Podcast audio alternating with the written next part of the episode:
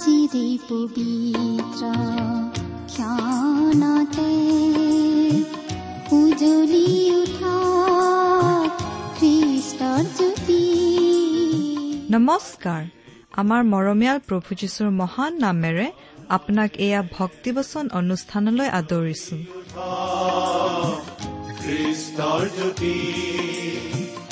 আকাশ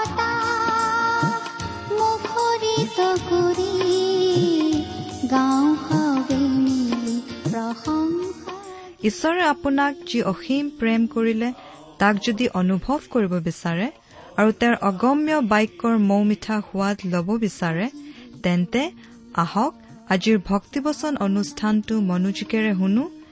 এয়া আপোনালৈ আগবঢ়াইছো ঈশ্বৰৰ জীৱন্ত বাক্যৰ অনুষ্ঠান ভক্তিবচন।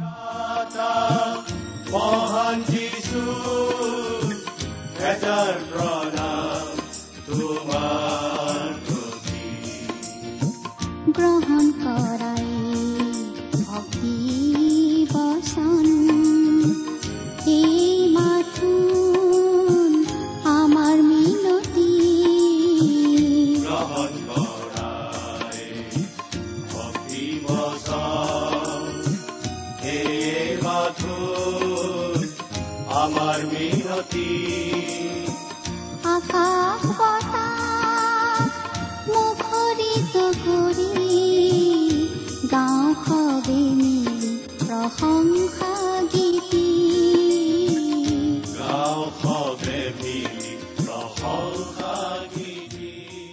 আমাৰ মহান ত্ৰাণকৰ্তা প্ৰভু যীশুখ্ৰীষ্টৰ নামত নমস্কাৰ প্ৰিয় শ্ৰোতা।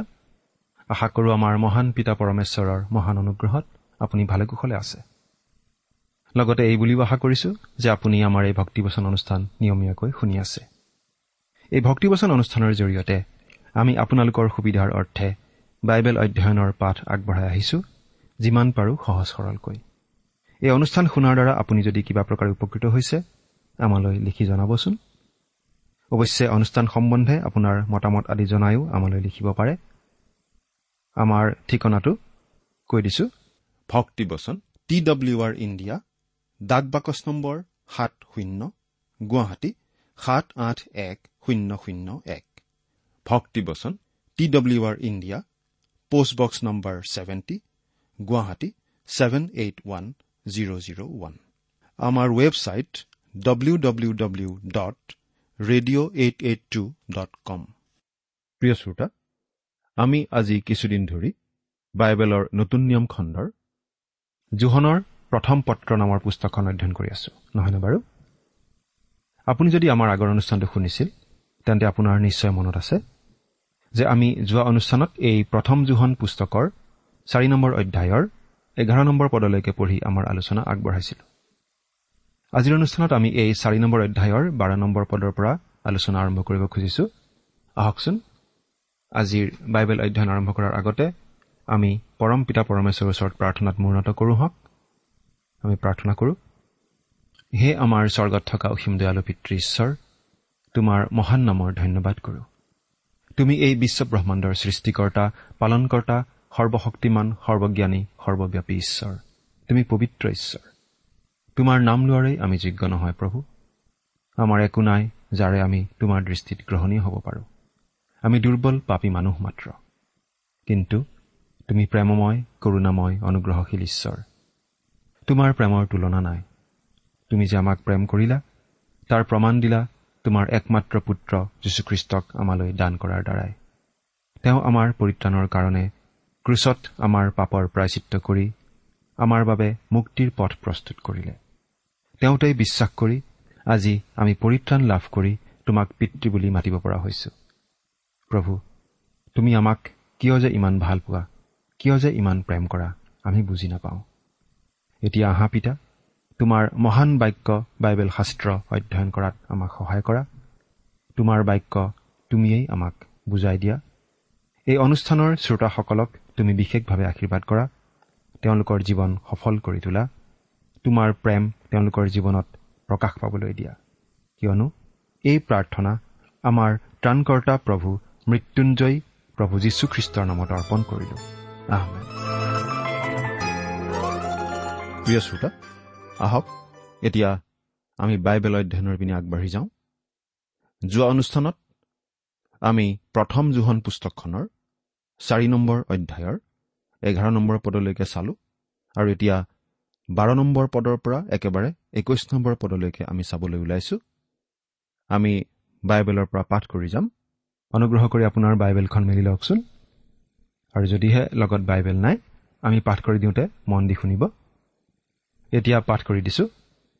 প্ৰথম জোহন চতুৰ্থ অধ্যায় বাৰ নম্বৰ পদ। ঈশ্বৰক কোনেও কেতিয়াও দেখা নাই। আমি যদি পৰস্পৰে প্ৰেম কৰোঁ তেন্তে ঈশ্বৰ আমাত থাকে। আৰু তেওঁৰ প্ৰেম আমাত সিদ্ধ হয়। ঈশ্বৰক কোনেও কেতিয়াও দেখা নাই। কিছুমান মানুহে এই কথা মানি ল'ব নোখোজে। তেওঁলোকে শাস্ত্ৰৰ পৰা কিছুমান উদাহৰণ দি ক'ব খোজে যে কিছুমান মানুহে ঈশ্বৰক দেখা পাইছিল। আমি আদমৰ কথা জানো।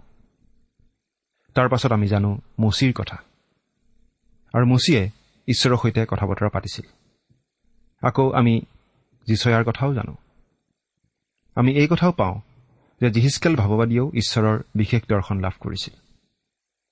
আকৌ ঈশ্বৰে দানিয়েল আৰু তেওঁৰ সংগীসকলৰ আগতো দৰ্শন দিছিল।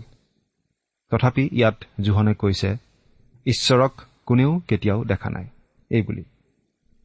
কিন্তু জোহনে এই বুলি কৈয়েই কথাখিনিৰ সামৰণি মৰা নাই।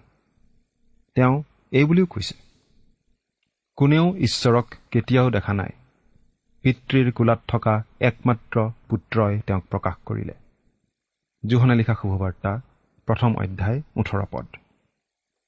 অৰ্থাৎ প্ৰভু যীশুৱেই আচলতে পিতৃ ঈশ্বৰক পূৰ্ণৰূপত জগতৰ আগত প্ৰকাশ কৰিলে। পুৰণি নিয়মৰ দিনত ঈশ্বৰে মানুহৰ আগত কেতিয়াবা কেতিয়াবা দৰ্শন দিছিল ঠিকেই। কিন্তু তেওঁলোকে ঈশ্বৰক দেখা নাছিল। কাৰণ ঈশ্বৰ আত্মা আৰু তেওঁক ভজনা কৰাবিলাকে সত্যেৰে আৰু আত্মাৰে ভজনা কৰিব লাগে। পুৰণি নিয়মৰ দিনত মানুহে ঈশ্বৰৰ যি দৰ্শন পাইছিল সেইটোক কোৱা হয় থিঅফেনি বুলি। অৰ্থাৎ ঈশ্বৰে কিবা বিশেষ ৰূপত এই মানুহবোৰৰ আগত নিজক প্ৰকাশ কৰিছিল। কিন্তু তেওঁৰ নিজৰ সম্পূৰ্ণ মহিমাপূৰ্ণ ৰূপ তেওঁলোকৰ আগত প্ৰকাশ কৰা নাছিল।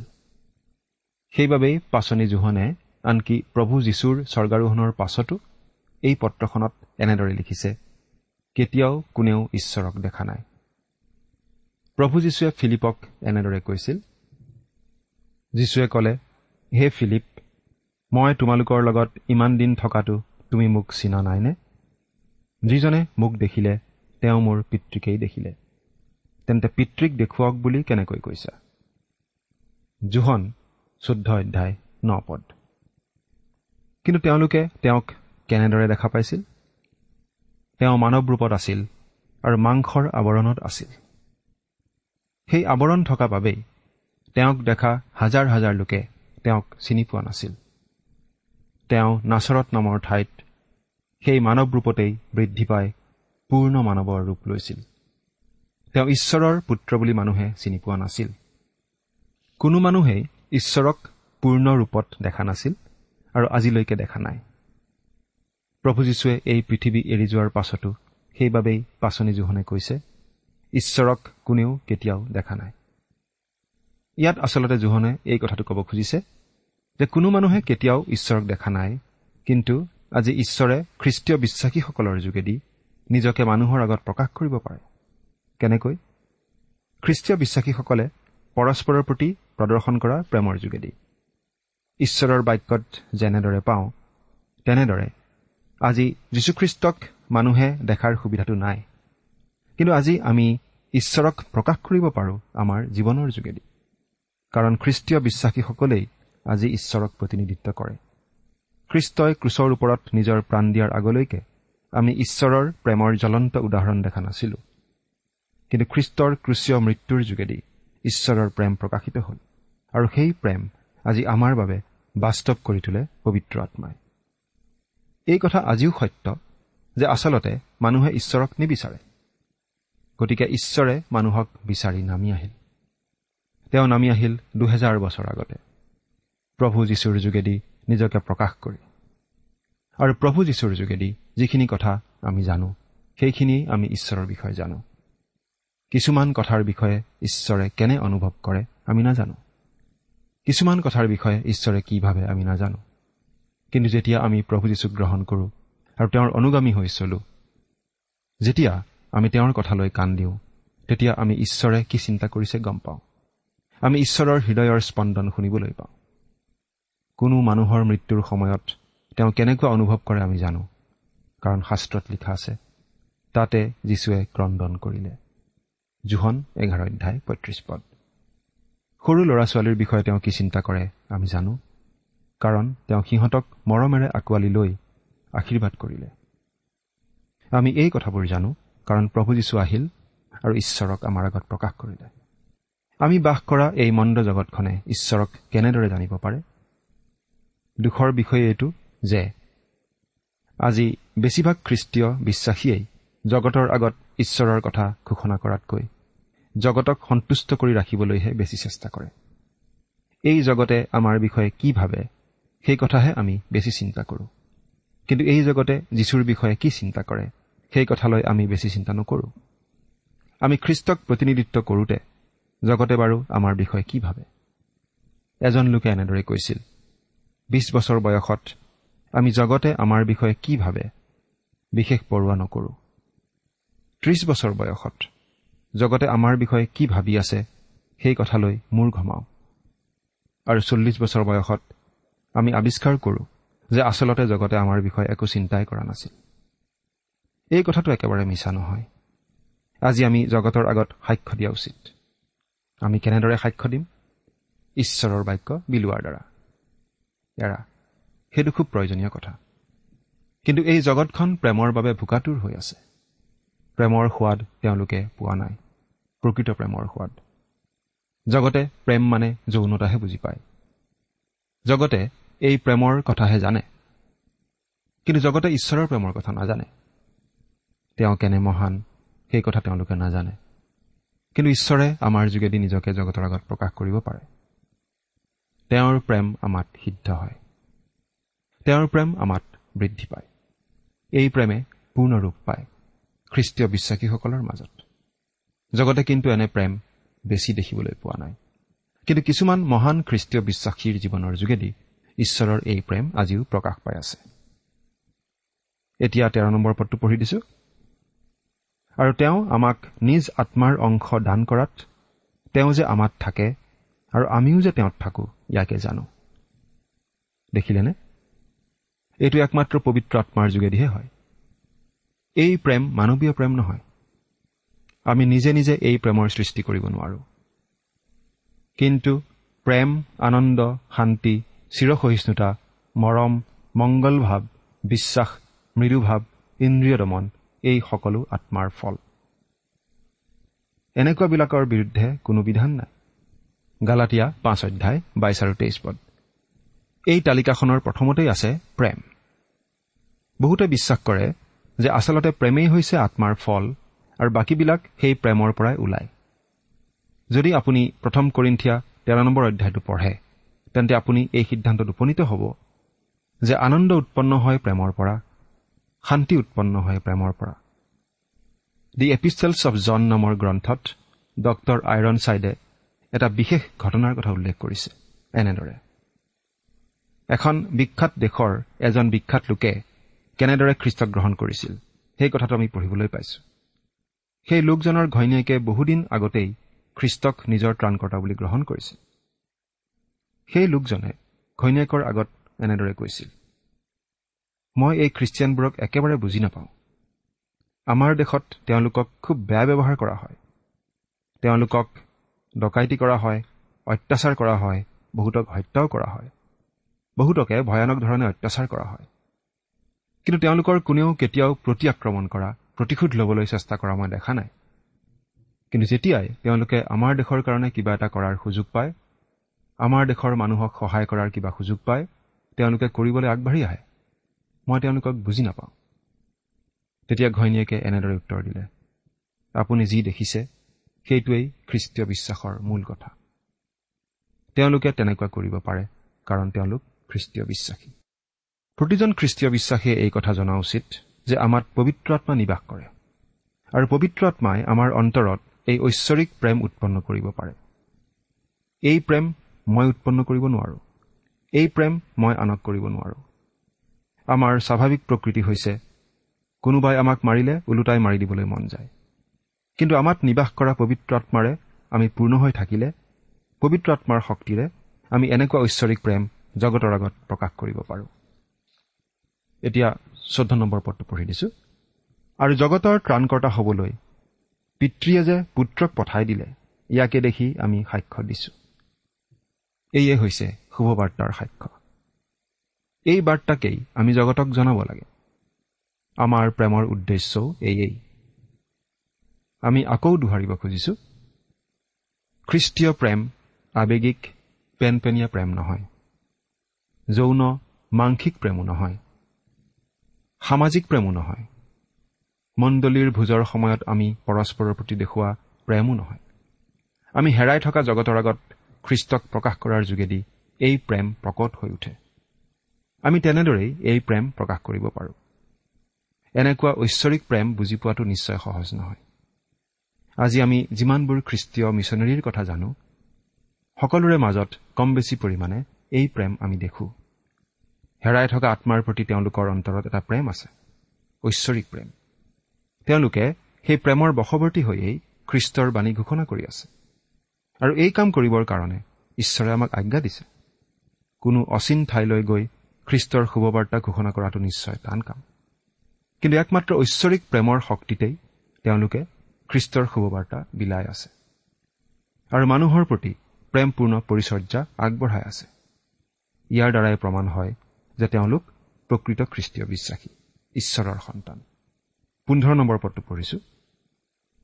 যীশু যে ঈশ্বৰৰ পুত্ৰ ইয়াক যিজনে স্বীকাৰ কৰে ঈশ্বৰ তেওঁত থাকে আৰু তেওঁ ঈশ্বৰত থাকে। এয়েই খ্ৰীষ্টৰ শুভবাৰ্তা।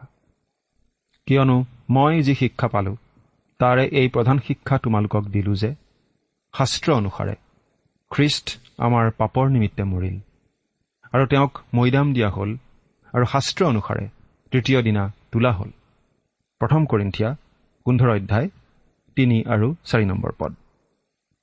খ্ৰীষ্টই ঈশপুত্ৰ তেওঁ কুমাৰী মৰিয়মৰ গৰ্ভত জন্মগ্ৰহণ কৰি মানৱৰ পাপৰ প্ৰাচিত্য কৰিবলৈ ক্ৰুচত আপোন প্ৰাণ দিলে আৰু তৃতীয় দিনা কবৰৰ পৰা জি উঠি নিজৰ ঈশ্বৰত্বৰ প্ৰমাণ দিলে।